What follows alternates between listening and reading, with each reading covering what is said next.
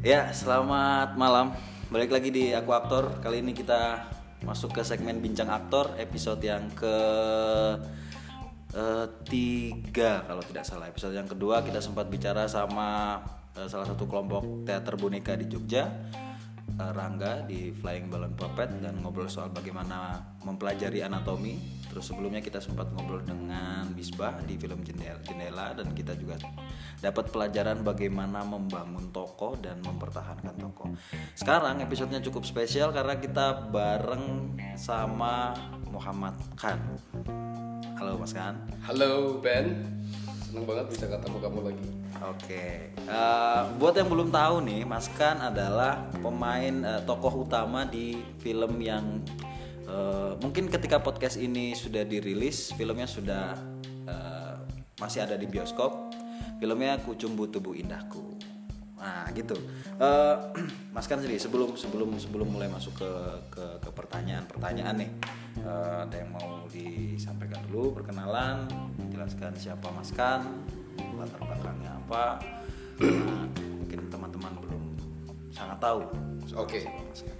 Halo guys, jadi eh, kenalin saya Muhammad Khan yang kemarin main jadi Juno di film Kucumbu Tubuh Indahku garapan sutradara Gari Nugroho. Jadi saya anak teater sebenarnya, backgroundnya teater. Jadi ikut teater pertama kali dari SMA. Itu tahun berapa ya SMA berarti ya? Eh, 2007. Ya 2007, 2008, 2009. 2009 saya masuk isi Yogyakarta ambil jurusan teater dan ngambil mayornya acting terus di sana saya nah saya di di isi itu sempat satu ini satu kelas sama band ini kita sama-sama aktor kita sama-sama belajar bareng tentang keaktoran. Terus saya lulus setelah enam tahun setengah. Dan waktu saya kuliah itu saya sempat menggeluti dunia persilatan. Itu udah lama juga sih dari tahun 2009 sampai hampir lulus. Saya masih tetap latihan lah.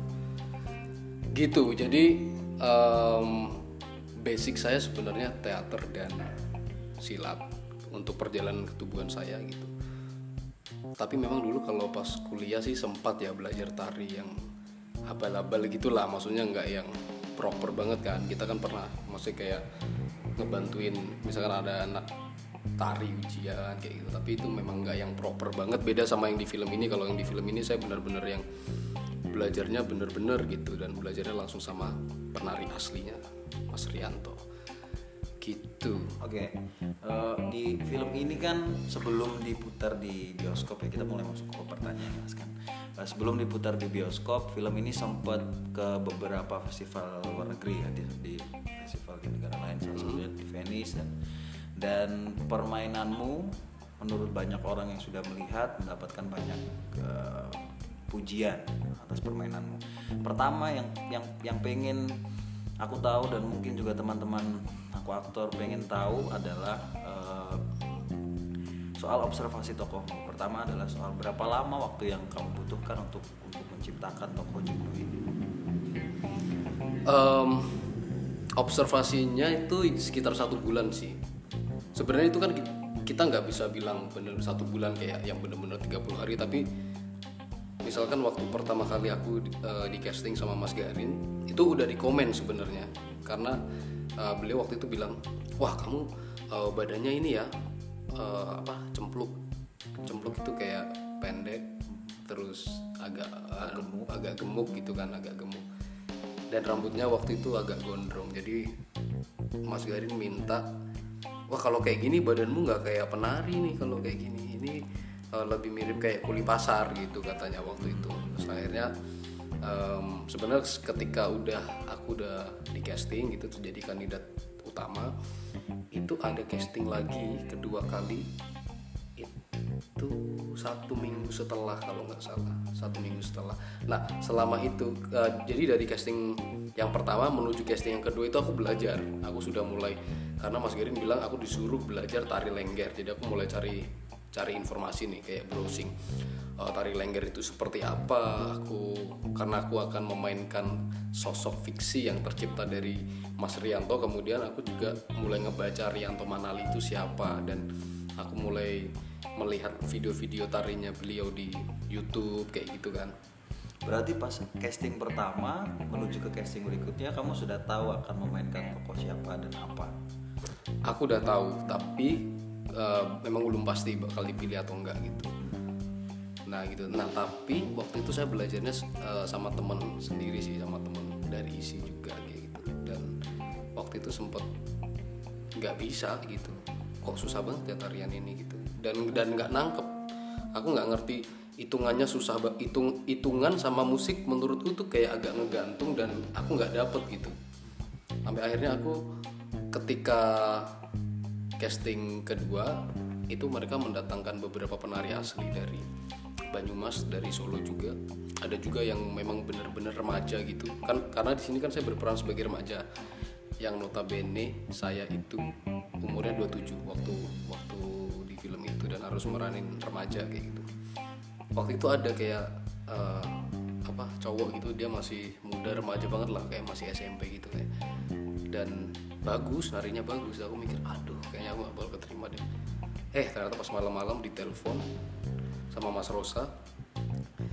Em, jadi Mas Rosa ini dia posisinya sebagai casting casting director juga terus beliau astrada juga dan acting coach juga di di film Kucumbu Tubuh Indahku ini. Jadi ditelepon kan setelah kami ngobrol akhirnya saya dan Mas Garin memilih kamu untuk memerankan tokoh Juno ini. Wah aku seneng banget kan. Tapi Mas Rosa bilang tapi ada satu PR dari Mas Garin yaitu kamu harus ngurusin badan. Nah dari situ aku langsung gila itu cuma punya du- waktu dua minggu menuju syuting. Jadi dari situ aku mulai puasa Um, dan syutingnya itu pas puasa sebenarnya kan. Jadi uh, saat itu sebelum puasa aku udah puasa duluan kayak gitu. Puasanya gila-gilaan sih kayak emang bener-bener yang nggak makan apa-apa cuma makan buah aku paling inget aku makan buah naga makan telur sama air putih gitu doang. Sampai turun 4 kilo dan itu lumayan karena uh, garis mukanya jadi kelihatan gitu. Terus garis pinggangnya juga kelihatan dan waktu sampai di lokasi emang Mas Garin udah bilang oh iya kamu sekarang udah kurus nih. Bilang kayak gitu. Nah pas itu juga aku langsung kontak Mas Rianto. Aku bilang Halo Mas saya kan yang akan berperan sebagai Juno di film ini Ini ini ini, ini. Eh, Kapan ya kira-kira sampai di Jogja? Saya kayaknya butuh Saya butuh diajari tari lengger bilang kayak gitu. Udah itu lama eh, Kayaknya habis setelah tiga hari apa ya baru dibalas apa dua hari gitu. Akhirnya kita ketemuan di Jogja aku datang ke Solo karena Mas Rianto ini tinggalnya di Solo. Jadi aku datang ke Solo untuk belajar itu. Sempat berapa kali sih belajar sama Mas Rianto Uh, dan selama dua berarti ada waktu dua minggu untuk menurunkan berat badan itu? Apa kamu cuma nggak makan aja? Atau ada ada treatment lain untuk sampai pada bentuk tubuh yang ada di film? Em, karena fokusku waktu itu adalah ngurusin badan jadi dan ngecilin otot. Sebenarnya kan itu. Jadi aku nggak lat aku memang jadi nggak nggak latihan push up nggak latihan apa pun karena oh pokoknya gimana caranya ototnya ini bisa harus jadi kayak kecil. Jangan jangan kelihatan kayak kuli pasar tadi yang dibilang sama Mas Garin itu cuman puasa sama nari sih. Latihan pu- eh, puasa sama latihan nari. Itu bisa jadi kayak gitu. Karena kemudian eh, karena PR pertamanya itu dulu. Ng- ngurusin badan sama belajar nari itu kayak jadi headline-nya dulu gitu. Kamu harus bisa ini dulu. Kalau ini udah bisa baru kita ke next step berikutnya. Itu itu kan ya PR-nya dari Mas Gary kan itu. Nah terus setelah belajar sama Mas Rianto masalahnya adalah karena aku orang silat jadi gerakanku tuh ketika nari silat banget. Emang kelihatan banget silatnya. Anjir ini ini kayak nggak kayak penari gitu. Ini kayak gerakannya jadi kayak silat banget. Terus Mas Rianto bilang kamu tuh eh, apa ya kayak gerakan perempuannya tuh belum dapet. Kamu tuh kayak masih jaim kamu tuh kayak masih malu-malu. Tapi memang waktu itu aku agak jaim sih karena ya maksudnya aku baru kenal Mas Rianto juga. Terus aku eh, kayak belum total gitu. Dan kadang kayak gitu kan situasional ya ketika kita udah di set udah pakai eh, kostum eh, itu ada banyak tekanan dari luar. Sehingga kadang itu kita jadi kayak oh jadi aja deh gitu. Nah akhirnya bilang kamu harus yakin dulu dalam hati kamu kalau kamu tuh perempuan. Kamu coba mantapkan itu baru kalau kamu udah yakin kamu bisa apa namanya menarikan ini. Tapi itu tekniknya aku udah dapet sebenarnya. Maksudnya movement movementnya kayak gimana aku udah udah tahu. Cuman rasanya itu aku belum belum belum dapat akhirnya saya menghubungi satu teman. Salah satu temanku itu aku um, aku tanyalah karena aku aku kira dia expert untuk bagian seperti itu. Aku bilang eh gimana sih kalau misalkan kita mau namanya mendapatkan sisi feminin yang benar-benar uh, dapat gitulah dalamnya dapat gitu. Dia bilang ya kamu coba aja mulai berpakaian seperti perempuan. Misalnya kamu sebelum tidur uh, pakai pakaian perempuan tapi pas kamu tidur pakai pakaian perempuan dan bangun-bangun kamu pakai pakaian perempuan masih gitu. Dan aku pernah coba sih memang. Jadi kayak sebelum tidur aku sempat pakai pakaian perempuan dan bangun di pagi hari ya aku menemukan diriku dengan pakaian perempuan itu gitu. Untuk itu kayak salah satu uh, treatment yang aku pernah coba juga gitu. Kalau untuk make up sih sebenarnya nggak terlalu susah ya karena kita waktu kelas kuliah kan juga ada make up ini kan make up banyak. Ada make up karakter ada make up um, make up apa namanya kalau kayak gitu? Kalau gitu. Bukan kayak uh, uh, ganti seks ganti gender gitu loh. Kalau yang yang cowok disuruh make up jadi cewek yang cewek disuruh make up jadi oh cross gender ya? Cross gender cross gender ya. bahasanya apa ya? Kayak gitu. Kayak gitu sih terus nah itu masih kayak di di seputar tubuh kan di seputar tubuh kayak gitu. So, aku aku mulai perhatiin cara jalannya Mas Rianto kayak gitu. Terus caranya dia berdiri kan dia kan punya posturnya dia kan emang penari banget gitu kan agak kayak dengkek apa aku nggak ngerti bahasa Indonesia nya tegak gitu loh dia kayak tegak gitu. Aku kan agak-agak bungkuk sebenarnya kesehariannya gitu. Gitu dan itu dari tubuh. Nah itu belum lagi PR dari Mas Rosa. Jadi sebenarnya memang kalau di film Kucumbu Tubuh Indahku ini saya dibantu dengan dua acting coach. Yang acting coach yang pertama itu Mas Rosa acting coach yang kedua itu Mas Rianto. Jadi Mas Rianto ini lebih spesialis ke hal-hal yang berhubungan dengan ketubuhan seorang penari dan uh, sisi femininnya Mas Rosa ini lebih ke penjiwaan karakter dan emosinya. Concernnya lebih ke situ gitu. Jadi nah PR-nya dari Mas Rosa aku tanya Mas ini gimana nih PR-nya gitu. So, beliau bilang kamu harus bisa menemukan uh, kesepian yang akut disorot matanya toko Juno ini gitu. Wah itu kan kayak absurd ya maksudku Hah, gimana bisa menampilkan kesepian yang akut dari sorot matanya? Nah itu aku agak kayak yang wah ini gimana ya akhirnya aku mulai baca naskah lagi dari awal.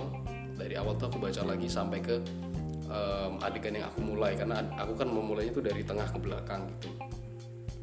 Terus akhirnya di situ aku mulai mulai uh, seperti mereka ulang dan membangun. Kira-kira Juno ini dari 0 sampai 19 tahun itu ada peristiwa apa aja ya yang dia alamin gitu. Kalau misalkan yang di naskah beberapa kan ada adegan itu misalnya ketika dia uh, sangat trauma sekali ngelihat adegan pembunuhan.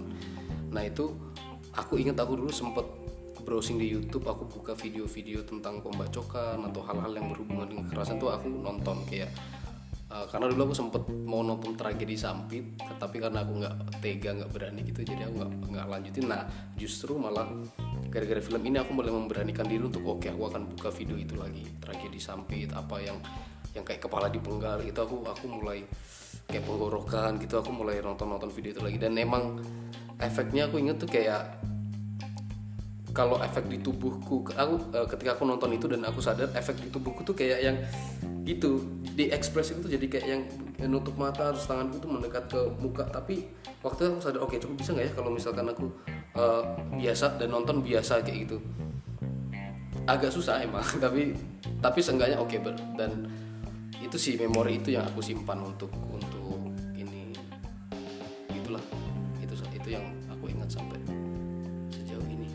nanti nanti nanti akan berkembang. Oke, okay, terus uh, itu kan tadi baru soal bagaimana tuh apa uh, treatment pada tubuh, bagaimana hmm. melatih tubuh mempersiapkan pramuka. Hmm. Uh, kan kamu cuma punya waktu dua minggu nih. Uh, kasarannya cuma punya waktu dua minggu untuk untuk masuk ke produksi mulai syuting hmm. dan berhubungan dengan produksi.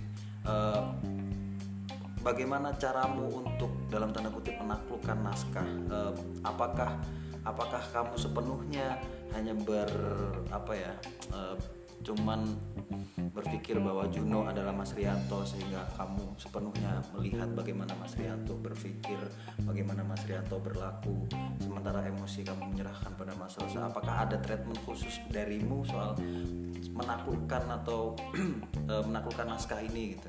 Naskah Kucumbu Tubuh Indahku dalam proses dua minggu itu.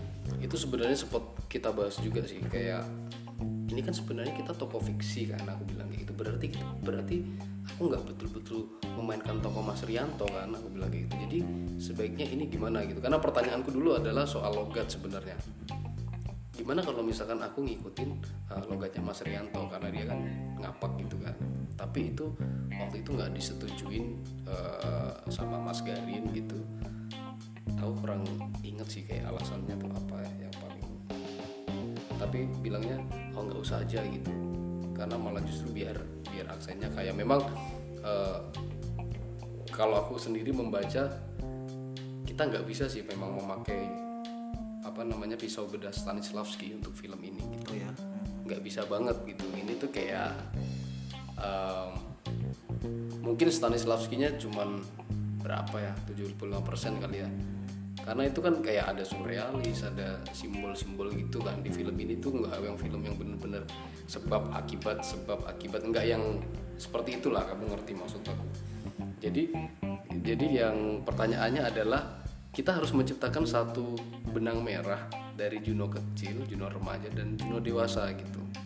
Dan benang merahnya itu ternyata bukan terdapat pada logatnya akhirnya pemilihannya, tapi lebih kepada uh, ketubuhannya dan emosinya dan sisi maskulin dan femininnya gitu. Jadi memang yang untuk logat itu kayak waktu itu uh, ditinggalkan akhirnya. Gitu. Aku sih sempet ini sih maksudnya kayak sempet ya kok nggak jadi sih. Padahal aku udah udah seneng banget sebenarnya ketika kalau harus uh, pakai logat harus niruin persis sama Mas Rianto. Tapi kan ini juga sebenarnya fiksi gitu loh. Fiksi dan sebenarnya kan film-film itu kan kayak semi-semi dokumenter gitu kan. Emang di bagian itu agak ini sih agak-agak ngeblur. Orang jadi kayak em, terkadang mereka dikacaukan dengan logika ini sebenarnya satu orang atau enggak sih? Kok ini yang ini logatnya gini yang ini logatnya gini? Itu sih. Tapi kemudian sih em, akhirnya yang kita ambil benang merahnya ya esensinya itu gitu. Spirit mereka bertiga itu sebenarnya sama trauma tubuh emosinya kediaman mereka terus eh, apa namanya ketubuhannya itu sama kayak gitu Berarti di naskah itu eh, kalau kalau Mas kan bilang bahwa tidak sepenuhnya menggunakan Stanislavski berarti ada ada ada beberapa bagian dari tiga dimensi tokoh Juno sendiri yang yang secara logika Stanislavskinya tidak dipakai. Maksudnya kayak misalnya soal logat tadi. Hmm. Eh, karena film ini sebenarnya juga jadi pertanyaanku apakah film ini itu sebatas terinspirasi dari perjalanan perjalanan tubuhnya Mas Rianto? Atau bukan terinspirasi aja tapi mengambil perjalanan hidupnya Mas Rianto. Sehingga eh, secara nggak langsung filmmu juga jadi kayak film dalam tanda kutip film biopik gitu yang tokohnya ada kemudian tiga dimensinya jadi jelas di Mas Rianto eh, sehingga kamu seharusnya kemudian jadi menirukan eh, logat. Bahasa tubuh karena kalau tadi kamu bilang kamu juga menirukan bagaimana caranya berdiri caranya berjalan kamu menirukan itu. Apakah karena eh, menurut Mas kan Stanislavski-nya tidak dipakai 100% apakah itu artinya hanya apa eh, ada ada beberapa dimensi yang tidak nggak kamu sadari tapi tidak kamu ambil dan kamu pakai dalam tokoh ini Iya itu betul banget. Yang terutama itu logat. Eh oke sebenarnya gini. Jadi film ini itu terinspira hanya terinspirasi dari perjalanan hidup Mas Rianto. Gimana ya? Ini susah kan? Oke aku kan mungkin bisa cerita dari uh, awal kemunculan ide film ini kali ya. Jadi em, kalau yang aku dengar itu gini. Jadi Mas Rianto punya satu karya tari kalau nggak salah judulnya medium ini kalau kalau nggak salah ya. Tapi yang pasti karya tari itu menceritakan tentang eh, tentang tubuh tentang eh, hijrahnya tubuh. Bahwa tubuh itu berpindah-pindah dari satu tempat ke tempat lain mengalami banyak trauma eh, tentang perjalanan tubuh lah eh, karya-karya tari itu. Nah, kemudian dari karya tari itu, Mas Garin punya gagasan, oh kayaknya aku mau deh buat film, tapi tentang perjalanan tubuh. Bahwa tubuh itu ternyata punya banyak memori ya. Makanya kenapa judulnya dalam bahasa Inggris kan Memories of My Body kan. Itu kayak lebih lebih masuk akal memang judulnya itu. Cuman eh, yang di, di Indonesiain Kucumbu Tubuh Indahku itu eh, kalau di judul bahasa Inggrisnya tuh memang lebih kayak bisa diterima Memories of My Body. Itu sebenarnya memang uh, menceritakan tentang perjalanan tubuh perjalanan penuh trauma uh, perjalanan tubuh lah Uh, ada kesakitan-kesakitan kayak gitu. Nah kemudian uh, karena karena dari perjalanan tubuh itu dan akhirnya Mas Garin mulai uh, mulai bertanya-tanya, "Ay, coba dong aku ceritain cerita, cerita hidupmu gitu ke Mas Rianto. Dia, dia cerita. Nah dari dari cerita hidupnya Mas Rianto itu kemudian sudah keambil esensinya dan Mas Garin membuat cerita itu secara fiksi gitu. Jadi ini memang sebenarnya terinspirasi aja. Ini enggak enggak yang betul-betul eh, kisah nyata gitu tuh enggak gitu loh. Berarti tokohmu adalah sepenuhnya tokoh fiksi, sebatas uh, kemunculannya sebatas terinspirasi aja dari uh, Mas Rianto. Cuman em, karena sosoknya ini kan udah ada nih Mas Rianto, jadi semua itu akan ditarik ke dia.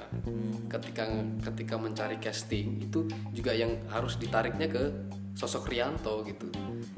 Jadi karena karena ini udah ada nih sosoknya memang memang bukan Rianto karena bukan biopik tapi terinspirasi dari orang ini. Jadi semua yang di casting itu harus ditarik ke garis dia gitu loh. Masuk akal nggak kalau ditarik ke garisnya dia? Itu makanya em, kalau kita bandingkan dengan film-film biopik yang pada umumnya kalau kita bisa bilang misalnya kayak Bohemian Rhapsody lah ya kayak kemarin itu em, itu kan kayak precise banget gitu eh, bentuk apa mukanya giginya apa segala macam nah kalau ini emang enggak karena ini fiksi gitu fiksi dan gimana ya ini agak-agak semi semi fiksi dan real gitu. Jadi agak susah memang membedakan tapi eh, sebenarnya kalau dari aku pribadi memang yang yang luput kemarin itu lebih kepada logat aja sih menurutku logat sama cara bisa ca- cara ngomong ya logat itu kemudian berhubungan dengan cara ngomong akhirnya dan dan em, timbre suaranya gitu. Karena kemarin juga eh, timbre suara yang aku ciptakan itu kan dia lebih agak ringan gitu lebih lebih agak ringan itu gitu. Oke, eh, balik lagi ke soal observasi tadi. Kamu kamu cuma punya waktu dua minggu untuk mencari toko. Eh, kamu berusaha mencari toko di banyak dimensi, fisiologi, sosiologis yang juga akhirnya kamu cari termasuk psikologis yang kamu tadi eh, ngelihat video pembunuhan dan segala macam. Pertanyaanku adalah ketika sebelum masuk proses syuting, Hmm. seberapa siap atau seberapa lengkap tokohmu tercipta sebelum masuk proses syuting? Sementara kamu punya waktu cuma punya waktu dua minggu. Apakah sudah benar-benar lengkap dan jadi tokoh Juno ini baru kemudian take? Atau seberapa lengkap tokoh yang sudah kamu ciptakan selama dua minggu itu? Sebenarnya kalau yang dua minggu itu tadi kan ini dua minggu sebelum syuting kan itu yang aku mulai ngejar banget untuk ngurusin badan. Tapi kalau yang em, aku tahu tentang isu-isu film ini. Itu kan sebenarnya satu, satu bulan sebelum satu bulan. Jadi aku kayak udah mulai ini sih mulai kayak em, apa namanya jaga-jaga ya. Ancang-ancang kalau dalam bahasa Jawanya ancang-ancang kayak mulai jaga-jaga oke dia bakal bakal main jadi penari ada sisi feminin. Itu juga eh, aku juga udah mulai berpikir keras eh, mencari kira-kira apa yang bisa dilakukan di waktu segitu sebelum ke sana gitu. Yang yang aku yang aku belajar nari itu sih yang sama temanku itu sebenarnya kan. Tapi eh, beruntungnya adalah gini kalau untuk masalah teknis aku nggak maksudku masalah dialog ya dialog itu nggak terlalu susah. Karena kan di situ dialogku nggak terlalu banyak dan lebih banyak main silent act jadi itu lebih gampang aku lebih hafalnya lebih cepet kayak gitu. Tapi memang em, justru aku dapet 100% tokohnya itu malah pas di lokasi syuting. Pas di lokasi syuting karena eh, ketika di lokasi syuting itu bener-bener kayak gimana ya beda ya. It- itu bener sih yang dibilang Mas Rosa waktu itu. Dia bilang terkadang eh, kita itu tokoh itu bisa keluar tuh situasional. Nggak bi- bisa aja di latihan tuh kayak nggak dapet tapi tiba-tiba pas eh, syuting tuh dapet aja gitu. Karena aku ingat banget dulu yang pas di cast di di casting yang kedua itu adegannya sama juga silent act kayak gitu aku disuruh menjahit baju tapi di tengah-tengah ketika menjahit tiba-tiba trauma-trauma yang dulu pernah yang pernah muncul tuh eh, hadir lagi ketika aku menjahit sampai akhirnya emosi itu bertumpuk kayak gitu dan dia meledak di saat aku menjahit. Dan waktu itu aku nggak dapet juga. Nggak dapet emosinya. Aku bilang aduh mas kok nggak dapet ya emosinya? Mas Rosa bilang nggak kayak gini biasanya situasional kok. Bilang kayak gitu. Tapi eh, memang mas Rosa waktu eh, ini sih dia kayak percaya penuh bahwa bisa kok nanti bisa gitu nanti bisa. Akhirnya ketika udah sampai di udah di lokasi syuting kayak gitu di situ aku baru menemukan cara jalannya. Hmm, oke. Di lokasi syuting itu aku baru menemukan. Karena ada ket- karena di situ ada rasa ket- ada rasa tekanan gitu loh. Maksudku anjir ini udah syuting hari pertama dan aku baru dan aku baru hafal dialog. Aku baru hafal dialog dan aku baru eh, tahu tariannya gitu. Tapi aku masih belum nyiptain suara sama cara jalannya tokoh ini. Kayak gitu. Akhirnya di situ aku mulai tentukan oke berarti hari ini aku harus tentukan timbre suaranya dia mau seperti apa. Jadi waktu itu itu kapan? Di hari pertama itu hari pertama syuting. Itu aku tentukan di situ. Hari pertama syuting sama cara jalannya itu akhirnya oke oke. Mungkin gini ya eh, keuntungannya adalah aku punya stok banyak gitu cara jalan kan. Karena kan aku punya hobi mimesis yang niruin orang gitu. Terus aku juga jadi orang-orang yang pernah aku tirukan itu itu kan jadi kayak stok buat aku. Nah kira-kira em, stok-stok itu salah satu dari stok itu yang kira-kira mewakili suara Juno itu yang seperti apa gitu. Akhirnya aku pilihanku waktu itu kan Juno suaranya agak ringan agak agak ringan dan tonnya agak tinggi gitu. Dia lebih kayak gimana ya lebih kayak "Ah, biasa mas orang desa. Ya lebih kayak gitu kan biasa biasa kayak lebih tipis gitu suara lebih tipis itu karena pertama ya aku merasa tertekan karena itu udah hari syuting sudah syuting hari pertama dan itu eh, karena biasa kayak gitu kan ketika kita dapat ketekanan dari eh, banyak hal gitu kita jadi bisa muncul. Tapi ini juga kadang aku mencurigai ini kayaknya mungkin eh, tipikal aku juga gitu. Karena dulu juga aku ingat selama bertahun-tahun berproses di keaktoran tuh aku kadang selalu kayak gitu orangnya. Kalau kita bahasanya nyimpen kan. Nah tapi nyimpen itu juga nggak aku sengaja sebenarnya karena bahkan aku aja pernah tokoh itu baru ketemu berapa lima menit sebelum aku masuk side wing. Itu pas zaman zaman main teater. Bahkan kadang kita ngerasa kayak oke habis ini aku uh, ganti kostum dan di make up. Biasanya ada momen juga ketika kita udah di make up tokoh itu jadi keluar. Suaranya jadi ada terus uh, jiwanya jadi dapat ketika sudah di make up. Tapi aku juga pernah ngalamin ketika itu udah di make up dan uh, apa namanya udah mau masuk side wing 5 menit itu baru dapat dan itu baru dapatnya setelah aku ngeliat adegan yang sebelumnya. Ketika di side wing itu ngeliat adegan sebelumnya tiba-tiba tokoh itu muncul aja gitu. Jadi kadang itu nggak bisa diprediksi. Nah yang untuk Juno itu aku menemukan cara jalan dan suaranya itu memang pas di lokasi syuting itu sih gitu. Kalau cara jalannya aku memang eh, kombinasikan antara itu sebenarnya kayak emang cara jalannya Mas Rianto yang aku mix sedikit gitu. Ada ada ada cara jalannya dia di situ temponya kayak gitu Oke, berarti cara jalan, cara bicara itu ketemu di hari pertama ketika syuting. Eh, yang jadi pertanyaanku, gimana caranya kemudian cara berjalan dan cara bicara itu atau bentuk-bentuk yang ketemu pas ketika syuting itu jadi bentuk yang hidup.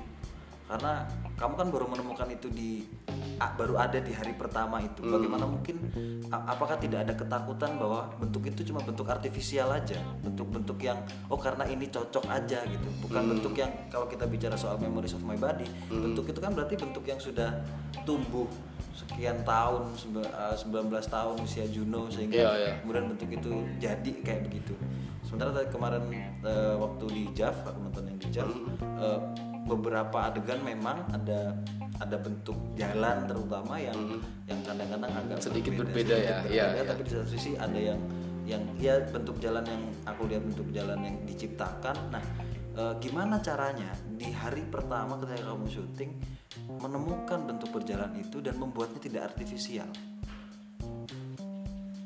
Hmm, sebenarnya karena objeknya itu real gitu ada beneran.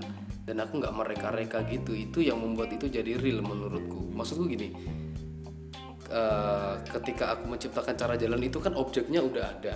Manusianya udah ada real dan emang dia cara jalannya begitu. Jadi ketika aku mengcopy aku copy dengan dengan porsi yang sewajarnya aja nggak usah dilebih-lebihkan. Kadang kan kita kalau menirukan orang agak dilebihkan kan.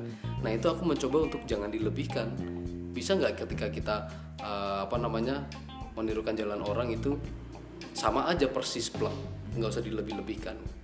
Itu itu mungkin lebih di situ lebih di situnya uh, karena nanti biar nggak terkesan lebay gitu loh natural. Dan ini sebenarnya ada ada hubungannya juga sih sama sama teknik bermain juga gitu maksudku ketika kita bermain teater kan kadang porsinya gede ya.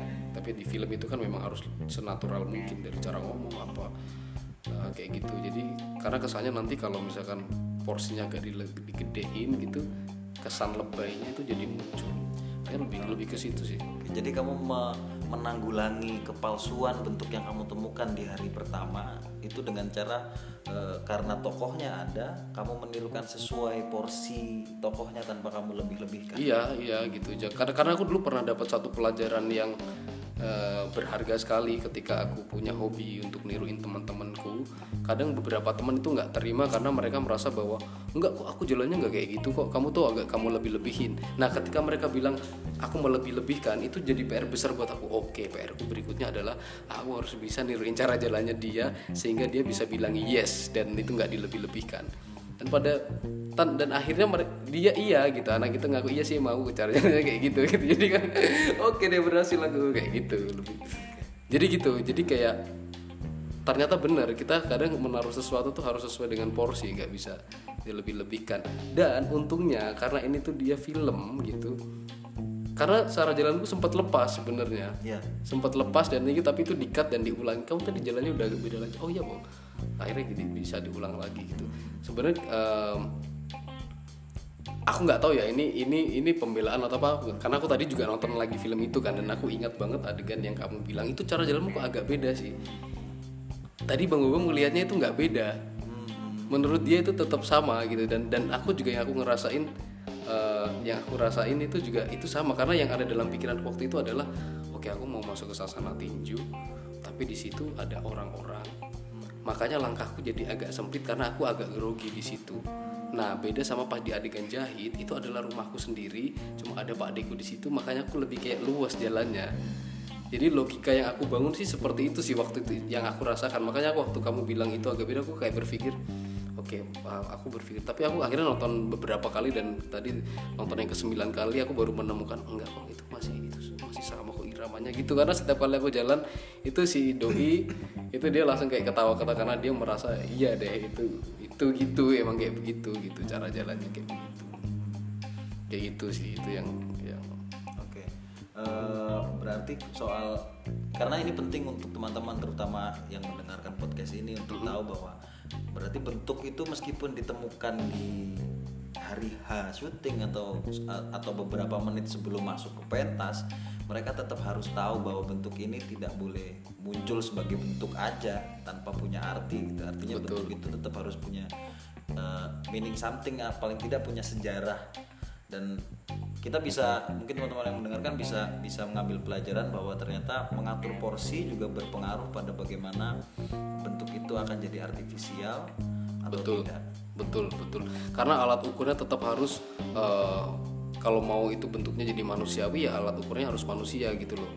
Makanya itu itu pelajaran besar banget sebenarnya ketika uh, kita mimesisin orang dan orang itu ngerasa enggak kamu tuh ngelebih ngelebihin berarti kita belum berhasil karena itu masih belum senatural dia kita harus bisa itu tuh sama kayak ketika kita ngegambar kita ada foto nih kita ngegambar harus bisa mirip banget sama foto itu nggak nggak nggak nggak kadang kan nggak mirip gitu kan nggak nggak mirip. Kamu agak lebih lebih ini nah ada itu itu penting. Dan sebenarnya satu catatan yang penting juga tokoh itu dia akan tumbuh selama proses syuting itu berlangsung. Karena itu aku ngerasain banget. Misalkan um, karena oke okay, kita udah punya nada dasarnya segitu itu nanti berkembangnya akan di lokasi syuting gitu. Aku ingat banget dulu kayak misalkan um, ada satu adegan di close up mukaku kayak gitu. Tiba-tiba cara ngelihatku tuh kata Mas Rosa terlalu keras gitu. Dia bilang itu dikat waktu itu dikat dan kita disuruh ulang lagi. Sorry. Diulang lagi. Mas Rosa bilang kan barusan sorot matamu itu terlalu keras menurutku. Kalau Juno itu dia harus lebih lembut lagi. Dia dia di sini masih lembut. Dia di sini eh, masih sisi lembutnya masih ada gitu. Oke akhirnya dari situ kalau itu kan langsung harus berubah kan nggak ada waktu untuk apa namanya ngeset gimana. Itu sih waktu itu aku cuma berpikir aja untuk oke aku coba rasain dari dalam. Lembut lembut lembut lembut. Jadi kayak itu kayak semacam metodenya kayak mensugesti diri sendiri aja sih kayak gitu lembut. Dan sorot mata itu nanti bisa otomatis muncul ke mata kok gitu ketika kita meyakini lembut. Itu gitu. Tapi kalau kayak yang adegan naruh jarum itu sebenarnya juga itu kalau itu teknis banget ya. Dan itu bisa dipelajarin langsung dan gampang gitu. Kayak uh, waktu aku pakai kebaya waktu itu masih masih ini banget. Masih kasar cara ngambilnya cara masangnya. Dan waktu itu juga sempat dikat dan Mas Rianto datang kan kamu tadi harusnya ketika ngambil kebayanya tuh gitu dicontohin cara ngambil kebayanya yang yang halus kemudian em, apa namanya naruh penitinya tuh bentuk tangannya seperti apa itu bener-bener dicontohin sama Mas Rianto sampai senyumnya itu kayak bentuk senyum bibirnya itu dicontohin. Jadi aku oke oh seperti itu ya gitu. Jadi eh, makanya aku bisa bilang bahwa sebenarnya tokoh Juno ini itu bukan kerja aku sendiri gitu. Karena di situ aku dibantu ada Mas Rosa sama Mas Rianto dan aku ini semacam bahan aja. Aku menjadi bahan yang kita ngebentuknya bersama-sama gitu. Kebetulan aku di situ jadi bahannya jadi kita berdiskusi untuk itu itu kayak misalkan aku mijitin Pak D itu kan aku nggak ngerti cara mijit seperti apa. Itu Mas Rosa yang kemudian ke detailnya. Ini soalnya mau di close up ke tanganmu. Jadi karena aku sebelumnya mijitnya tuh cuma gini-gini dan itu nggak masuk akal. Buat buat Mas Rosa itu mijitnya nggak masuk akal. Mijit, tuh gini loh. Aku dicontohin sama Mas Rosa gini. Akhirnya diurut akhirnya aku mengambil apa yang disarankan Mas Rosa. Jadi itu memang bener-bener toko itu jadi kayak tumbuh tumbuh di lokasi syuting. Karena banyak banyak yang apa namanya tumbuhnya di situ dikoreksi sama Mas Rian Mas Rianto sama Mas Rosa kayak gitu. Nah, untuk meluruskan nih, eh, tumbuh yang dimaksud itu apakah perkembanganmu menguasai tokoh? Yang katakanlah di awal baru sekian persen kemudian dalam proses syuting pertumbuhan itu adalah apa tokoh yang menjadi lebih lengkap atau pertumbuhan tokoh Junonya atas peristiwa-peristiwanya yang terjadi yang kamu bilang soal tumbuh itu. itu dua-duanya sebenarnya maksudnya itu berbarengan kemudian. Karena logika logikanya kemudian jadi masuk akal. Oh iya ya kenapa di sini kok dia sisi lembutnya masih eh, ada ya? Dia belum eh, maskulinnya masih belum tampak di sini. Karena di scene lain itu eh, maskulinnya harus tampak gitu. Kayak misalnya di adegan Pak Bupati itu kan maskulinnya di situ agak tampak kayak gitu. Karena eh, sebenarnya memang masalah maskulin dan feminin itu ini tuh kayak selesai gitu loh. Di di Juno tuh kayak masalah gender itu udah selesai gitu Eh, maskulin dan feminin udah melebur aja jadi satu sebenarnya kayak gitu. Jadi kayak nggak nggak usah terlalu dibedakan gitu. Itu makanya itu tapi sebenarnya kalau itu lebih kelihatan di adegan hari di atas kursi sih. Karena waktu itu eh, waktu adegan hari di atas kursi itu korek itu berapa kali take ya? Empat kali apa ya? Dan koreksi dari Mas Rianto adalah uh, gerakannya itu kan diciptakan sama Mas Rianto untuk koreo koreografinya kan. Dan itu untuk ekspresinya tuh kayak yang pas di bagian ini coba kamu nanti uh, kasih kelembutan tapi yang pas di movement ini kamu kasih kerasnya. Gitu itu emang diatur sih kalau itu. Jadi aku menjalankan gitu. Aku di situ mencoba untuk oh jadi media yang baik gitu. Jadi aktor yang baik yang yang bisa menerima apa namanya eh, saran gitu Terus soal pertumbuhan itu kan ada beberapa bentuk yang kamu bilang tadi ketemu ketika proses syuting kayak misalnya cara meletakkan eh, jarum, Jarum, ya. cara tokoh itu memijat, cara, tokoh itu memandang dengan lembut. Eh, bagaimana caramu kemudian eh, menggunakan apa yang baru ketemu itu di eh, take-take yang berikutnya? Kalau itu gampang banget sebenarnya karena aku selalu karena aku selalu request untuk uh, diputar videonya. Misalnya ini kita selesai teknik. Kita uh, scene berikutnya apa? Aku selalu minta ayo aku lihat dong yang tadi uh, barusan di tag gitu. Nah dari situ aku bisa ingat-ingat oh, oke tadi bentuk kayak gini. Dan ketika aku melihat video itu continuity lah biasa kan. Ketika aku melihat itu aku sambil mengingat kembali rasa yang aku rasakan waktu begitu tuh kayak gimana. Itu yang aku panggil lagi. Kayak gitu. Jadi kayak It- dan dan ternyata dari situ justru aku bisa menemukan metode shortcut yang cepat dan oke berarti emang harus kayak gitu ya. Maksudnya kita harus bisa menemukan metode shortcut yang cepat untuk keluar masuk ke toko. Karena kalau di film itu menurutku sangat penting banget. Karena cut kayak gitu tiba-tiba uh, teman-teman mengganti setting dan arah kamera. Dan kita kan relax ya relax gitu uh, tapi pas udah masuk lagi harus masuk lagi dan, dan itu kalau aku uh, ketik sebenarnya ini ketika kita kan kita belajar tentang ini ya tentang aku diri aku diri aku aktor aku tokoh gitu kan Nah, harus harus paham betul juga posisi netral tuh seperti apa ketika kita jadi posisi netral dan sebelum dimasuki toko seperti apa dan masuk toko tuh seperti apa. Kalau aku langsung dari postur biasanya. Masuknya aku pertama aku selalu dari postur. Oke, pertama posturnya dulu dari posturnya itu baru ke bentuk bibir. Aku selalu waktu di Juno tuh postur udah dapat baru bibirnya kayak gitu. Itu kayak kita pasti pernah ingat tentang pelajaran spons effect. Bahwa uh, pikiran dan perasaan itu saling tarik menarik. Ketika ketika aku membuat bentuk seperti ini sininya tuh ngikut. Bentuk bibir yang seperti ini mencep kayak gitu tuh kayak dalamnya tuh ngikut ya ngikut makanya itu benar uh, Mas Rosa yang pernah jelaskan tentang spons effect itu benar-benar itu itu sangat membantu sekali di di dalam apa proses penciptaan tokoh itu sangat membantu sekali. Dan selama proses syuting itu berarti kamu kan keluar masuk tokoh nih kesadaranmu sebagai kan kesadaranmu sebagai aktor kesadaranmu sebagai peran menjadi pertanyaan adalah uh, bagaimana bisa klik oke okay, aku masuk oke okay, aku keluar melihat bagaimana tadi permainanku. Oke okay, aku masuk lagi. Karena uh, ada ada beberapa aktor yang yang yang melakukan hal yang kamu lakukan gitu. Hmm. tapi yang jadi pertanyaanku posisi tokohmu ketika kamu keluar hmm. dan kamu jadikan itu posisinya sedang ada di mana? Si tokoh itu. Di mana ya? I, ketika ya uh, ini agak ini sih. Misalnya misalnya kayak gini. Karena ini momennya selalu berbeda. Ada satu momen di mana pas lagi break kayak gitu aku bener-bener break jadikan gitu. Aku nggak mau memikirkan tokoh itu abodo ah, amat lah. Aku mikirinnya nanti gitu. Tapi ada satu momen juga uh, waktu itu adegannya adegannya tuh aku lagi di atas call kayak gitu tuh ceritanya petinjunya habis mening habis mati habis meninggal kayak gitu. Dan aku uh, pergi meninggalkan dia.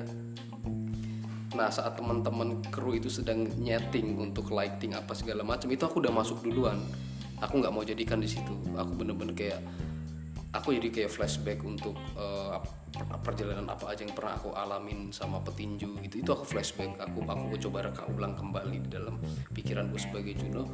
Dan akhirnya ya itu aku nangis di adegan call itu aku nangis sendiri. Itu belum teks sebenarnya. Aku aku nangis betul-betul nangis di call itu sendiri. Uh, sampai ada pemain yang lain mas kamu kenapa? gitu tapi tapi teman yang lain kayak enggak ada kayaknya lagi mendalami gitu. Jadi kayak nah itu maksudku ada hal seperti itu juga terjadi selama proses syuting gitu. Jadi enggak melulu bahwa setiap break aku benar-benar jadikan tuh enggak gitu. Ada ada ada satu momen juga yang aku ingin uh, stay di karakter tapi ada satu momen yang aku benar-benar ingin uh, keluar kayak gitu. Oke.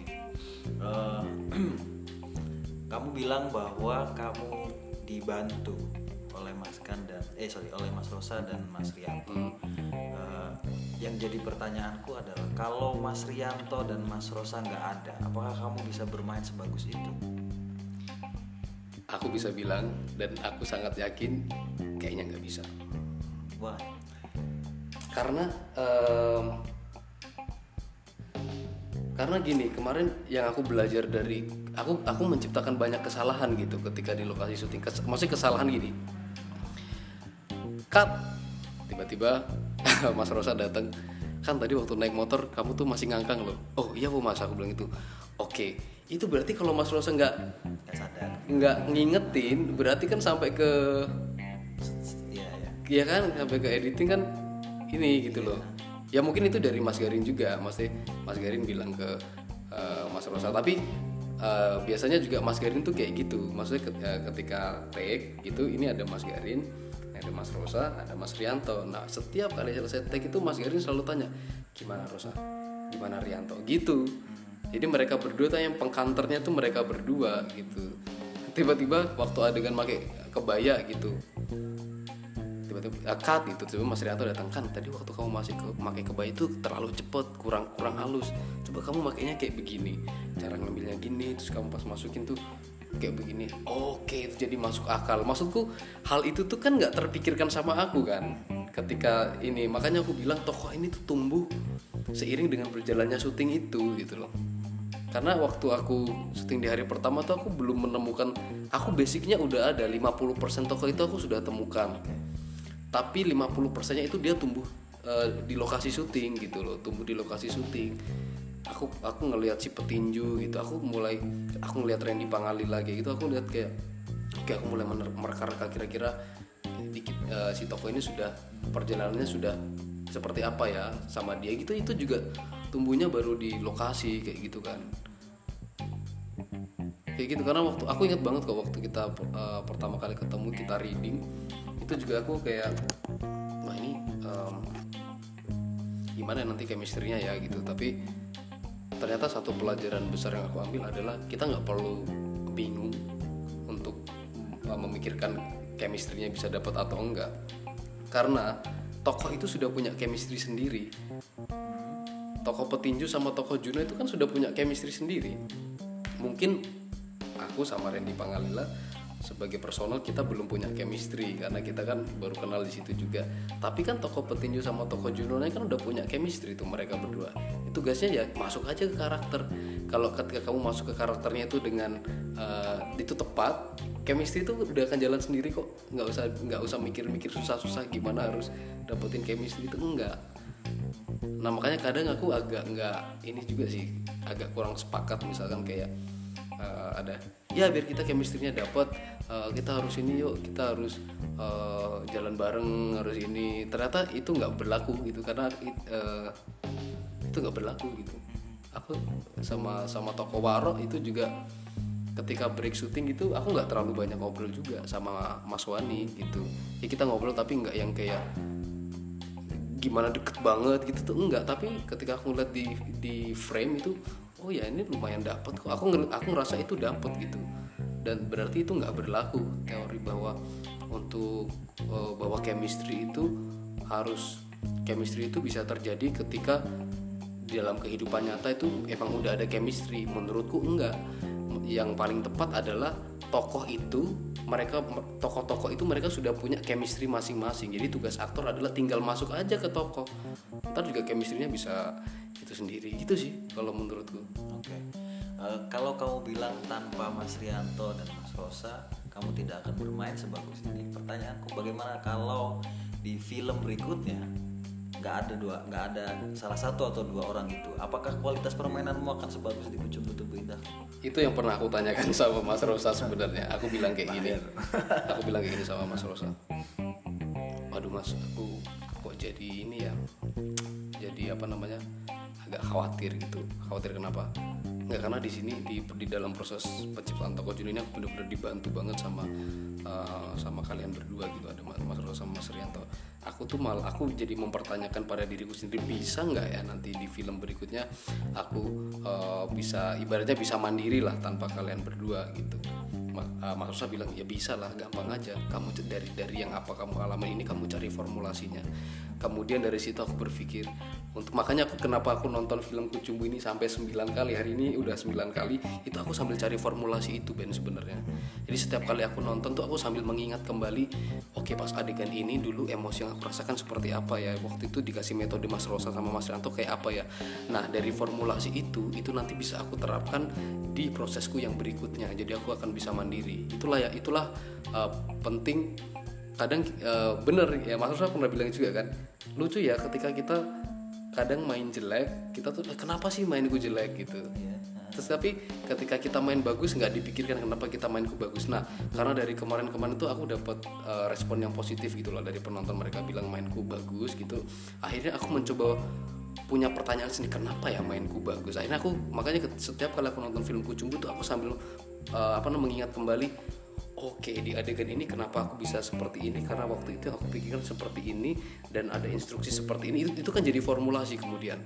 Nah dari formulasi-formulasi itu itu bisa jadikan itu bisa aku jadikan bekal untuk aku nanti uh, next time itu uh, proses sendiri. Cara oke okay, oke okay, cara gampangnya lah misalnya. Berarti suatu saat kalau aku harus syuting aku harus bener-bener ngecek video continuity sebelum ke next shot karena itu nanti nggak akan ada yang ngingetin kan. Dan kita eh, kalau dan eh, karena karena karena nggak ada yang ngingetin jadi kita harus ngecek sendiri. Itu bisa jadi salah satu formulasi misalnya. Eh, atau dari penciptaan yang lain misalnya oh ternyata kemarin aku sering lepas itu eh, cara jalan sama sorot mata. Berarti next time kalau aku menciptakan toko uh, terkecilnya juga ternyata harus harus sadar. Kesad- eh, kesadaran itu juga harus sampai kepada sorot mata ternyata ya. Nggak cuma melulu di jalan dan postur tubuh gitu kan. Selama ini kita berpikir tentang uh, bioritmik yang besar cara jalan sama tubuh gitu. Tapi kita nggak memikirkan bioritmik yang terkecil dari itu. Misalkan nafas atau sampai sorot mata itu itu akhirnya aku dapat formulasi oke berarti uh, next time aku harus memperhatikan bioritmiknya sampai sekecil itu. Gitu loh. Itu kemudian jadi formulasi ketika itu jadi formulasi itu bisa jadi bekal gitu artinya tidak khawatir dengan catatan kamu sudah memformulasikan apa yang sudah bagus Betul. itu betul Oke, itu itu juga jadi apa eh, pengingat untuk teman-teman yang menonton, eh, yang mendengarkan. Kalau mainmu bagus, tanyakan juga kenapa mainmu bagus. Jangan cuma kalau mainmu jelek, kamu bingung menanya. iya karena itu kan penting banget misalkan anjir mainku jelek hari ini. Kita harus cari tahu kenapa ya mainku jelek. Oh soalnya tadi aku eh, telat makan jadi nggak konsentrasi atau aku lagi ada masalah ini. Jadi kita betul-betul tahu oh, aku mainku jelek karena ini ini ini. Kemudian kita bisa gimana? Berarti aku harus menghindari eh, eh, apa namanya penyebab penyebab ini supaya mainku nggak jadi nggak jelek. Sama juga ketika kita disadar oh mainku tadi bagus kok aku bisa bagus ya? Oh soalnya kenapa bagus? Karena waktu itu aku cara berpikirnya seperti ini seperti ini seperti ini seperti ini. Nah itu kemudian jadi formulasi untuk keilmuan juga yang akan kita bisa pakai lagi di next time kita proses kan kayak gitu. Jadi tetap harus disadari memang ketika kita main jelek dan bagus itu benar-benar harus disadari betul. Oke. Eh, sebenarnya ada beberapa pertanyaan lagi gitu. Tapi karena takut tidak cukup waktunya, kita akan lanjut ke part yang kedua ya.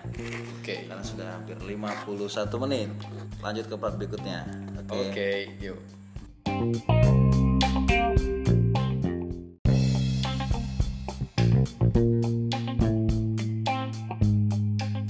Ya, kita lanjut ke part yang kedua. Ya, karena part satu maksimal sejam aja biar kalian nggak bosen biar saya nambah yang mendengarkan. Oke, eh, sedikit eh, mereview dari part yang pertama soal soal pencarian tokohmu. Pertama adalah bahwa eh, ketika kamu merasa di permainan ini kamu bagus, kamu harus menemukan formulasi kenapa kamu bisa bermain bagus. Eh, formulasi artinya perhatian pada matrikulasi-matrikulasi besar ataupun matrikulasi-matrikulasi kecil sampai titik yang paling detail untuk tahu bahwa bahwa eh, ya sama kayak apa yang apa yang dilakukan oleh Lee Strasberg di buku apa eh, A Dream of Passion di situ dia sengaja mencari dan mempertanyakan bagaimana eh, acting bisa secara konsisten bagus oke jadi kemudian malah maka maka dari itu muncullah metode acting gitu. Nah mungkin apa yang kamu lakukan adalah kurang lebih sama dengan apa yang dilakukan oleh Lee Strasberg gitu. Eh, dan itu penting untuk teman-teman tahu juga. Terus tadi kita juga sudah bicara soal eh, bagaimana tokoh itu tumbuh sepanjang eh, proses syuting. Eh, Mas Kan menemukan 50% tokohnya eh, kemudian 50% sisanya tumbuh seiring dan sejalan sama proses syuting. Yang kemudian jadi pertanyaanku lagi adalah eh, se seberapa 50% dalam dalam penciptaan tokoh Juno itu? Eh, ap- apa yang bisa kamu sebut? Oh ini aku sudah ketemu 50%. 50 nya adalah eh, di wilayah teknis. Koreografi aku sudah hafal. Terus eh, dialog aku sudah hafal. Dan eh, lebih ke situ sih dan gagas. Jadi kayak misalkan gagasan dasarnya aku sudah paham. Lebih ke hal semacam itu. Lebih misalnya kalau kita kita kita bisa pecah misalkan eh, oke misalnya kita pakai tiga dimensi tokoh eh, sosial psikis sama fisiologisnya. Fisiologisnya ini sudah dapat sedikit. Karena itu kan karena materi tarinya kan aku udah tekniknya udah dapat sama dialognya itu kan itu masuk ke fisiologis. Kemudian yang yang sebenarnya yang porsi yang banyaknya tuh di psikisnya. Psikisnya itu bener-bener dapetnya malah ketika syuting. Oke.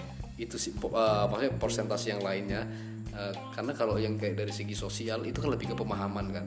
Itu sudah selesai juga sebelum syuting kayak pemahaman tentang eh, tari lengger itu seperti apa kemudian kira-kira trauma apa saja yang dialami Juno relasinya dia terhadap bibinya seperti apa. Itu sudah ada di, termasuk di 50% itu. Nah 50% sisanya itu itu lebih kepada eh, rasanya emosi-emosi tertentu yang muncul di situ. Karena di situ kan banyak banget saat dia nusuk jarum saat dia melihat pakdenya meninggal itu kan nggak pernah terjadi di latihan emosi-emosi itu. Itu munculnya ketika take gitu loh. Dapatnya ketika take karena waktu itu emang kayak eh, setting kostum situasi itu sangat mendukung sekali untuk benar-benar masuk ke dalam situasi itu gitu.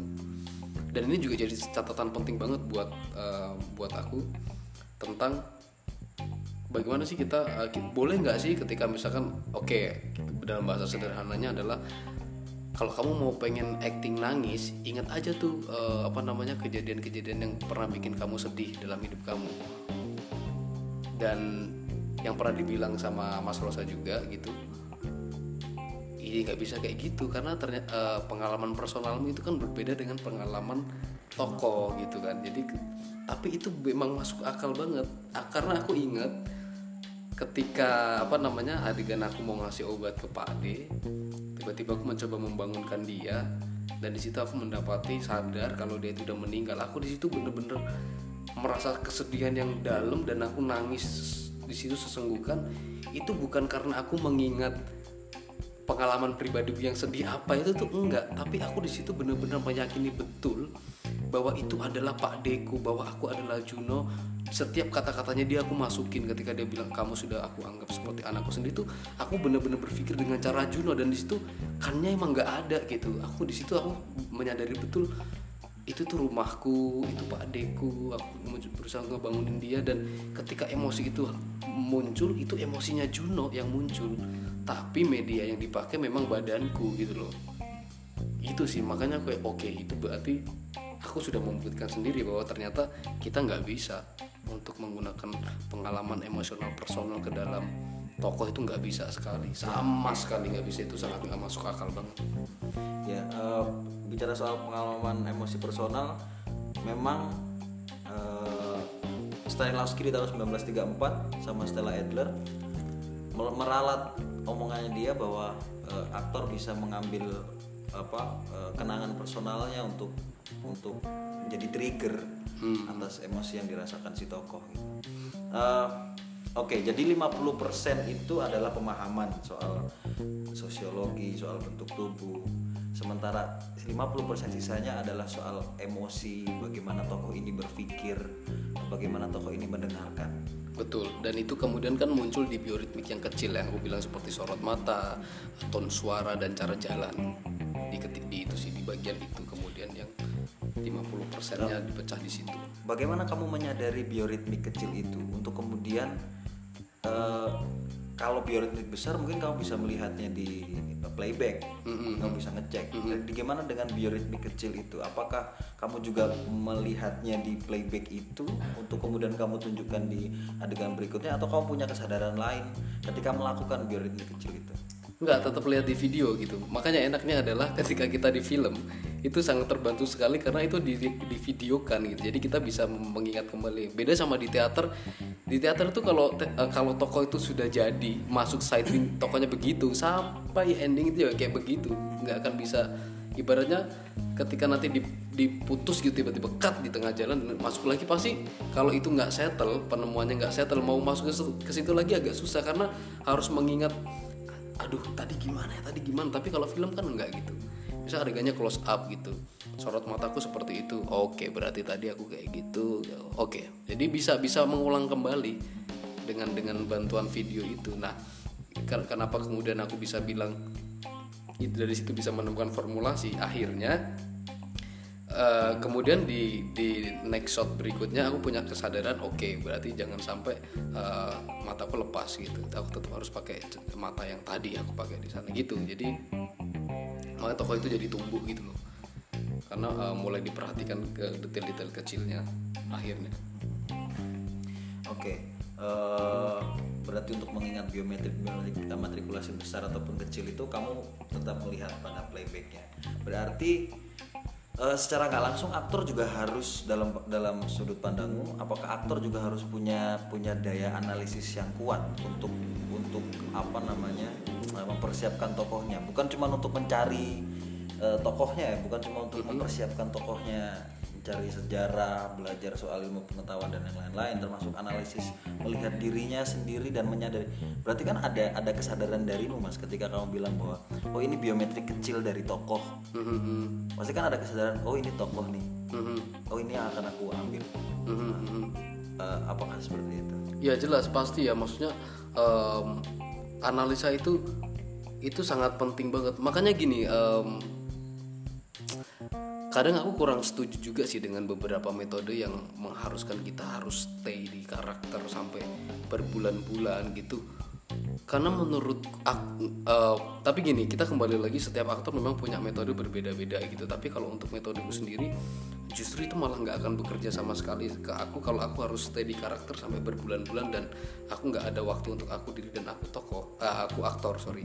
Karena ketika kita menjadi aku aktor, kita jadi menganalisa kemudian kita menjadi posisi netral yang berjaga jarak sama tokoh itu. Kemudian kita bisa eh, seperti kita bisa mewakili pikiran penonton juga ketika kita jadi aku aktor. Makanya ketika aku ngecek eh, playback itu kemudian menganalisa dan menemukan formulasi di situ aku sedang berpikir sebagai aktor. Bagusnya di situ karena kita jadi bisa menemukan formulasi dan menganalisa oh oke gini gini gini nah kemudian kesadaran penting juga adalah ketika kita jadi aku diri gitu. Misalnya pas lagi break syuting aku jadikan aja gitu. Aku bercanda sama siapa gini gini gini. Nah ketika aku jadikan itu juga aku harus sadarin. Oke ini sekarang aku lagi jadikan nih. Nah ketika kita punya kesadaran terhadap tiga itu akhirnya membedakannya jadi gampang. Tapi kalau kita nggak punya kesadaran atas itu misalnya kita hanya punya kesadaran antara aku tokoh sama aku aktor kita nggak pernah punya kesadaran terhadap aku diri. Ini bisa aja aku diri ini nanti dia bisa overlapping saat kita main di tokoh atau bisa overlapping juga saat kita jadi aku aktor. Kita lagi eh, kita lagi berproses sebagai aktor tiba-tiba masalah-masalah personal aku diri masuk. Itu bisa jadi kayak gitu. Karena kita nggak menaruh perhatian khusus buat dia juga. Makanya penting menurutku ini kalau metodeku ketika kita punya waktu tiga bulan kasihlah tiga bulan itu porsi yang sama terhadap eh, aku aktor aku diri dan aku tokoh dengan tugas mereka masing-masing. Dengan tugas mereka masing-masing itu yang akan membuat kita jadi cepet banget keluar masuk dengan shortcut shortcut yang bisa kita ciptakan sendiri. Karena menurutku itu juga masalah ya ketika kita lagi mainin tokoh dan tiba-tiba eh, apa prosesnya sudah selesai dan kita bingung mau kembali ke aku diri itu bingung bahkan sampai ke bawah-bawah cara jalannya ke bawah cara ngomongnya ke bawah itu kan menurutku itu masalah gitu. Menurutku itu masalah. Makanya dan mungkin salah mungkin itu salah satu masalah itu adalah ketika menjalankan penciptaan tokoh itu dia belum nggak ngasih porsi ke aku dirinya. Nggak ada tempat kembalinya gitu. Menurutku kita boleh pergi tapi harus kembali juga gitu. Nah itu penting makanya kayak uh, keluar masuk itu sangat penting banget tapi ini juga ini sih maksudnya ini ada juga hubungannya dengan uh, metode mimesis tadi ya. Maksudku aku menjalankan mimesis itu kan dari zaman SMA gitu. Maksudku aku udah terbiasa untuk kayak niru-niruin temanku niruin guru-guruku gitu. Jadi keluar masuknya tuh emang aku udah biasa punya shortcut kayak gitu. Jadi gampang aja. Oke kalau pas ini aku jadi ini kalau pas ini aku niruin siapa gitu. Itu ada ada ada kesadaran itu sih.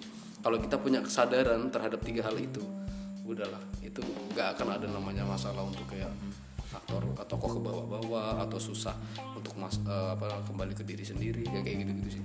Oke, berarti menurut Mas Kan sendiri eh, untuk untuk bisa membaca dan menganalisis capaian tokohmu itu juga harus eh, aktor juga harus paham bahwa eh, ada fase-fase tertentu di mana aktor harus melepaskan diri dari tokoh untuk melihat tokohnya Betul. sebagai aktor, Betul. juga untuk melihat tokohnya sebagai diri. Betul, itu tuh sama analoginya gampang lagi nih. Gimana kita bisa tahu rumah kita itu gentengnya ada yang bocor kalau kita di dalam rumah terus? Gimana kita bisa tahu tahu ternyata uh, tembok di sebelah timur itu sudah mulai keropos loh. Ya kan seenggaknya kita harus keluar rumah, kita coba lihat rumah kita keliling, kita puterin rumah itu. Itu kan akhirnya kita mengambil jarak dari rumah kita kan.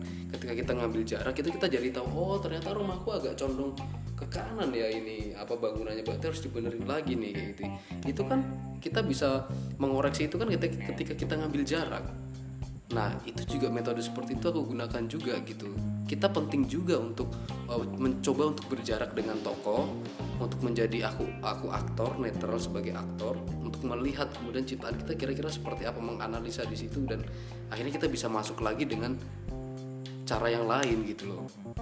Itu tetap itu penting menurutku. Makanya kayak nggak tahu aku aku mas kalau untuk metodeku sejauh ini seperti itu sih Oke, eh, ada lagi yang mau disampaikan soal metode-metode keaktoran terutama di film ini atau juga di luar eh, film? Eh, maksudku gini, ada banyak orang yang atau mungkin aktor-aktor yang beranggapan bahwa nggak latihan kalau nggak lagi ada project. Hmm, hmm, hmm. ya itu sangat ini banget sebenarnya Eh, Gue latihan kalau ada project aja. Gitu. Eh, iya iya Eh, maksudku kita nggak pernah tahu kita bakal dapat peran seperti apa gitu kan. Nah sebenarnya yang bagus ya kita setiap hari latihan aja gitu. Latihan aja. Misalkan ya aku merasa beruntung eh, dulu saya pernah ngajar batik gitu di Bandung 6 bulan. Di film itu aku ada adegan ngebatik. Jadi aku udah tahu betul gimana cara pegang canting gimana cara uh, suhu lilin ini panasnya seberapa cara megang kainnya seperti apa terus uh, cara meng- menggoreskan uh, canting itu seperti apa seperti apa itu aku jadi tahu. Jadi maksudnya ketika aku dihadapkan di lokasi syuting oh aku nggak perlu belajar lagi cara ngebatik karena aku sudah punya itu gitu. Kemudian uh, hal yang lain tadi misalkan adegan mijit itu kan aku nggak punya pengalaman memijit kan. Tapi itu aku belajarnya langsung di lokasi memijit kaki itu. Oke aku belajar di situ.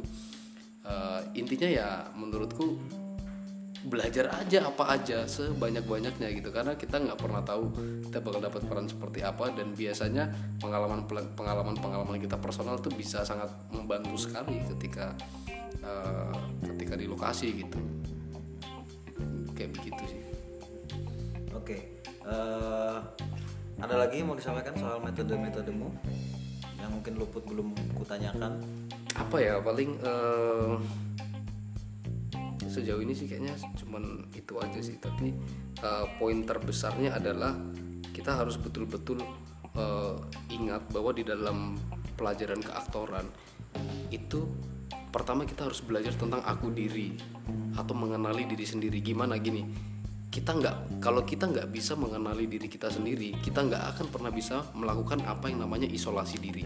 Kalau kita nggak bisa melakukan isolasi diri kita nggak akan pernah bisa menciptakan tokoh karena itu pasti kita akan memainkan diri kalau nggak isolasi diri itu kan. Makanya tiga hal ini tuh sangat berkaitan sama sekali. Kamu belajar dulu tentang aku diri mengenali diri kamu sendiri seperti apa sampai sedetail-detailnya. Setelah itu kamu isolasi dan masuklah ke toko sehingga ketika masuk ke toko dirinya udah nggak ada hilang.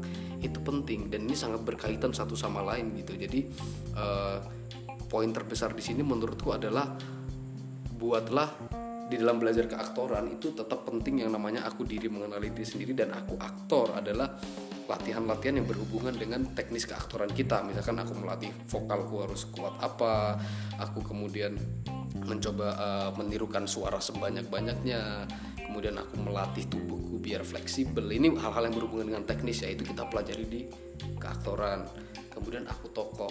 Aku tokoh itu udah udah jadi craft kita kita kita kita berkarya seni di situ. Kita menciptakan manusia baru. Dan itu itu label itu sangat penting banget sih. Menciptakan manusia baru. Karena uh, setiap tokoh itu kan memang berbeda sama kita gitu. Um, apa namanya? Bahkan uh, kembar identik aja itu mereka nggak sama persis. Maksudnya mereka tetap berbeda sifatnya gitu loh fisiknya hampir sama mirip ya tapi tetap mereka kembar identik pun mereka nggak yang 100% sama gitu. Artinya bahwa uh, tokoh ya tokoh kita ya kita gitu.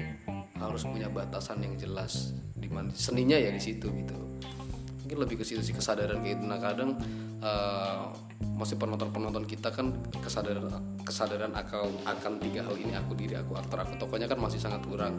Contohnya lah misalkan tiba-tiba uh, ibu-ibu gitu ketemu sama salah satu pemain sinetron atau film yang dia tuh galak banget di film itu apa di sinetron itu tiba-tiba datengin tuh mainnya jahat banget sih kemarin. Tiba-tiba ibu itu kayak sebel sama padahal yang dia lihat itu kan tokoh gitu loh bukan bukan dia secara personal nah itu maksudku eh, kesadaran itu juga sangat penting juga untuk eh, disadari penonton bahwa di dalam seni acting atau keaktoran itu ada tiga ada tiga hal besar yang penting yaitu tadi aku diri, aku aktor, aku tokoh. Nggak cuma aku tokoh doang. Ada dua hal yang mensupport itu juga ya dalam seni acting kayak begitu. Gitu sih. Kayaknya itu itu kayaknya poin-poin Oke. poin penting. Eh, itu poin penting yang perlu teman-teman ketahui soal aku diri, aku to aku aktor dan aku tokoh. Yang pembahasan lebih dalamnya soal konsep itu akan ada di podcast selanjutnya karena kita akan langsung ngobrol sama yang punya konsep itu. Konsep itu lahir dari Mas Rosa. Yes. Eh, beberapa pertanyaan terakhir untuk Mas Kan. Pertama adalah apa setelah ini apa nih? Setelah kucumbu apa lagi nih? Projectnya. Projectnya saya belum ada project tapi em, se- sekarang saya masih apa namanya masih fokus ke ngajar gitu. Aku sebenarnya ada passion di ngajar juga sih karena ketika kita ngajar itu kita seperti belajar lagi juga sebenarnya. Itu itu bener banget. Makanya kayak kalau aku sih pengennya tetap jalanku di dua track gitu. Aku jalan sebagai aktor iya, tapi aku jalan sebagai pengajar atau sebagai coach juga iya gitu. Jadi eh, karena ketika setiap kali aku ngajar gitu aku ketemu dengan orang-orang baru yang ingin belajar acting nah di situ juga eh, aku jadi memperhatikan mereka oh ya ini belum aku sampaikan ya Ta- tapi kemarin aku sempat eh, ada ada salah satu teman gitu bukan teman sih maksudnya ada yang orang gitu DM aku di Instagram. Mas kira-kira kalau mau belajar acting gimana ya selain eh, selain mengikuti kelas acting gitu? Aku jawabanku adalah ya kalau kita mau belajar acting karena belajar acting itu fokusnya adalah mempelajari tentang manusia ya kita belajar aja di kehidupan kita sehari-hari. Mulai dari sekarang kita harus punya satu kesadaran penting untuk membaca orang gitu misalkan kita misalnya aku lagi ngomong sama kamu kayak gini aku aku perhatikan nih kenapa bahasa tubuhmu seperti itu eh, pecondongan eh, arah hadap kepalamu kenapa seperti itu gitu kenapa kamu mengeluarkan interjeksi seperti itu? Itu kita membaca gitu karena uh, karena aktor itu ya bukunya ya sebenarnya manusia gitu. Man- man- jadi ya mulai sekarang segeralah untuk sadar betul untuk membaca manusia-manusia yang ada di sekitarmu. Kalau kamu pengen bener-bener jadi aktor dan selain kelas acting apa yang harus dilakukan? Ya belajar dari hidup gitu belajar dari hidup belajar membaca orang itu itu penting banget kesadaran itu. Dan dari situ kita akan sangat kaya banget kita akan kaya sekali. Gitu. Dan paling lebih kayak jangan pernah menolak apa pun untuk kalau untuk jadi aktor. Jadi kita kita pernah bahas itu sebelumnya kan misalnya ketika kita kayak aduh aku nggak aku nggak mau ah masuk ke pasar gitu. Pasar kan bau ikan mual gini gini gini. Oh berarti kalau aku secara personal udah nolak pasar gitu misalnya mungkin suatu saat eh, jadi nggak toko-toko itu jadi nggak aku udah kehilangan satu kesempatan untuk memainkan toko yang mungkin bekerja di pasar gitu kalau kita kalau udah nolak itu. Jadi kalau kamu mau jadi aktor yang fleksibel ya jadilah orang yang fleksibel juga gitu. Intinya kita eh, kalau intinya gini kalau mau jadi aktor itu harus belajar banyak hal. Jangan pernah batasi diri untuk belajar apa pun. Karena karena tokoh itu juga sangat beragam sekali dengan bentuk yang sangat beragam sekali dengan wawasan yang sangat beragam sekali. Jadi eh, selalu dorong diri kamu untuk mempelajari apa pun itu ilmu-ilmu baru yang sangat beragam itu. Oke, nah bicara soal jadi fleksibel, apakah ada peran yang akan kamu tolak? Atau peran yang ah nggak deh aku nggak aku nggak mau mainin ini deh. aku nggak ada sih. Kalau Semua peran akan kamu terima. Iya, karena aku orangnya em, kasih dong aku. Aku malah kadang malah nantang gitu. Kasih dong aku peran yang yang bisa menantang diriku untuk melakukan hal yang aku belum. Bahkan sesuatu yang berhubungan dengan traumatikmu misalnya, kayak misalnya ada aktor di Hollywood dia traumatik sama eh, pedofil dan dia selalu menolak untuk di atau apa eh, karena aspek-aspek misalnya takut.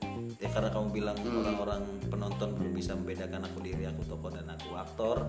Ya, jadi misalnya kamu memerankan tokoh Juno ini yang pastinya ada ada ada resiko beberapa orang yang berpikir wah ini kamu LGBT dan segala macam gitu. Apakah a- apakah tidak benar-benar tidak ada? Apakah semua tokoh apa pun itu akan kamu siap untuk memainkannya aku siap. Aku kar- karena itu memang bener-bener passionku ya. Maksudku eh, ketika kita sudah cinta dengan sesuatu hal kita nggak akan pernah nggak akan pernah punya ketakutan untuk eh, untuk mencintai itu gitu.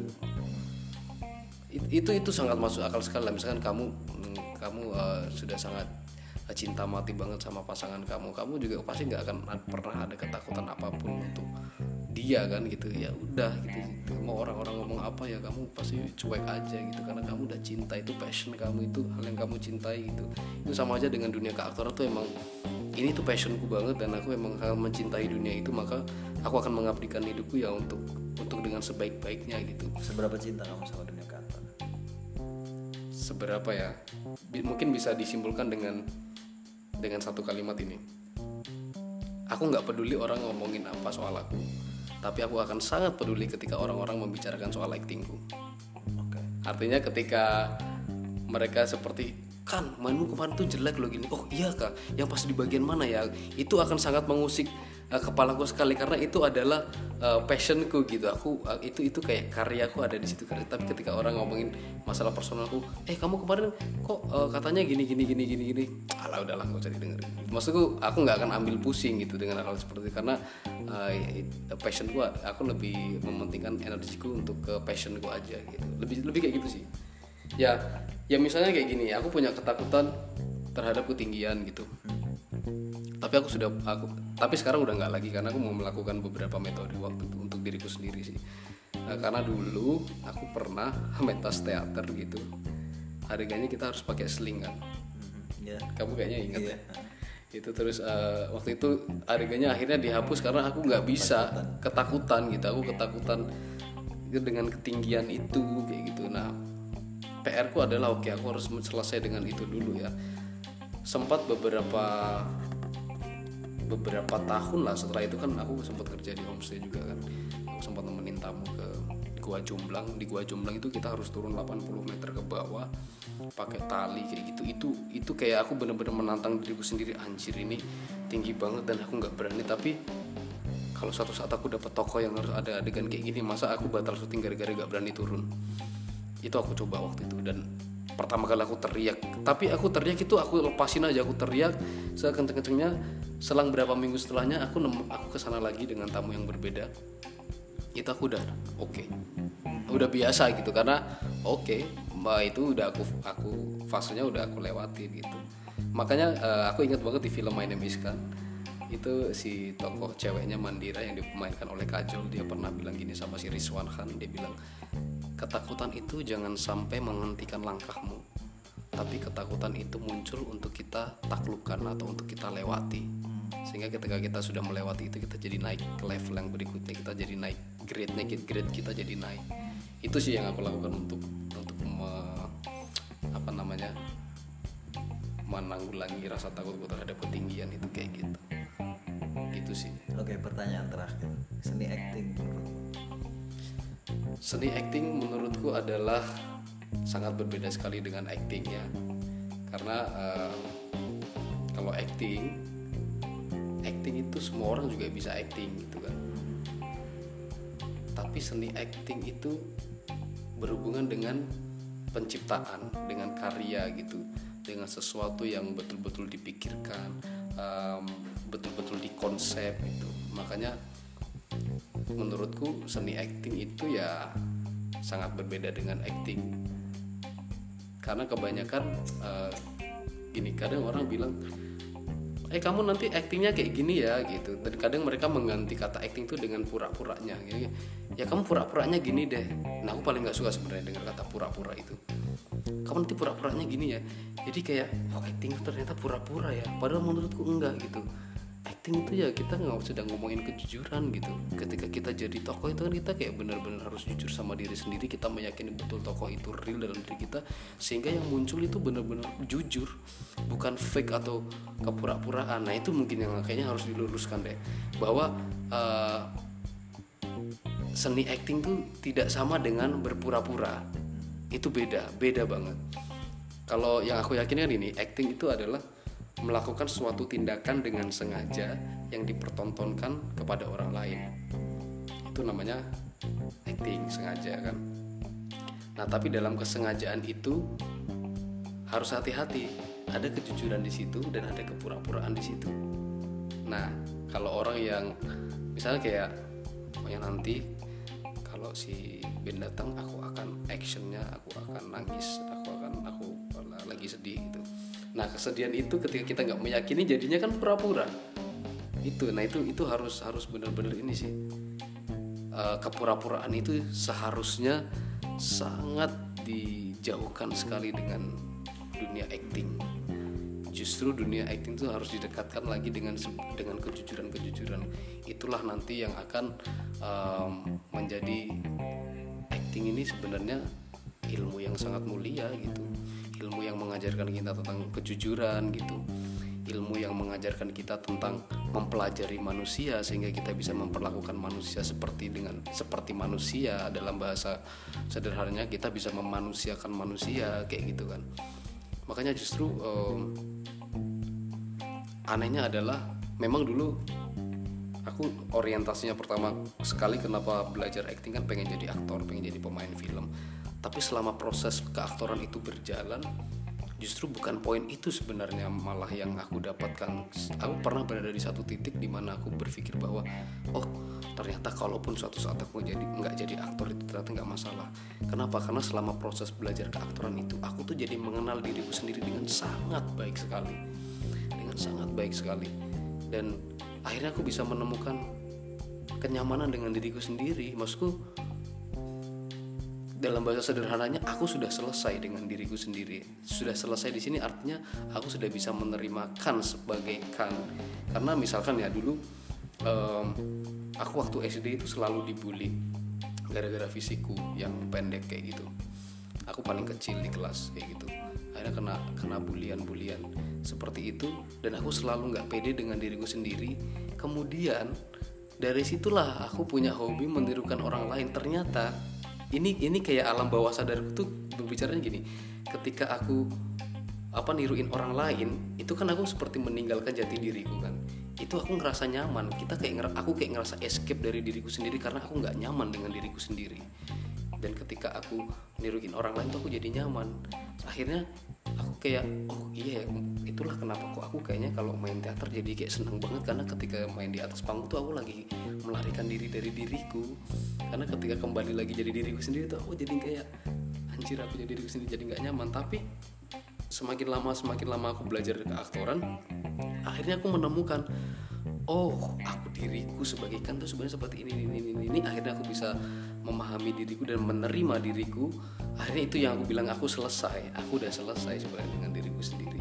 Ketika kita udah selesai dengan diri sendiri maka kita akan siap untuk jadi aktor dan uh, untuk jadi tokoh. Itu sih ternyata aku baru aku juga baru menemukan ini baru uh, baru-baru ini aja gitu. Maksudnya baru beberapa bulan terakhir ini aku mencoba kayak meref, merefleksi diriku sendiri lagi kayak oh kenapa hobi mimesisku datang tuh ternyata karena gara itu ya ternyata maksudku dulu sering kena bully. Ternyata ketika menirukan orang itu itu karena kita tuh nggak sedang lagi nggak nyaman jadi diri sendiri kita akhirnya mencoba untuk escape dari diri sendiri.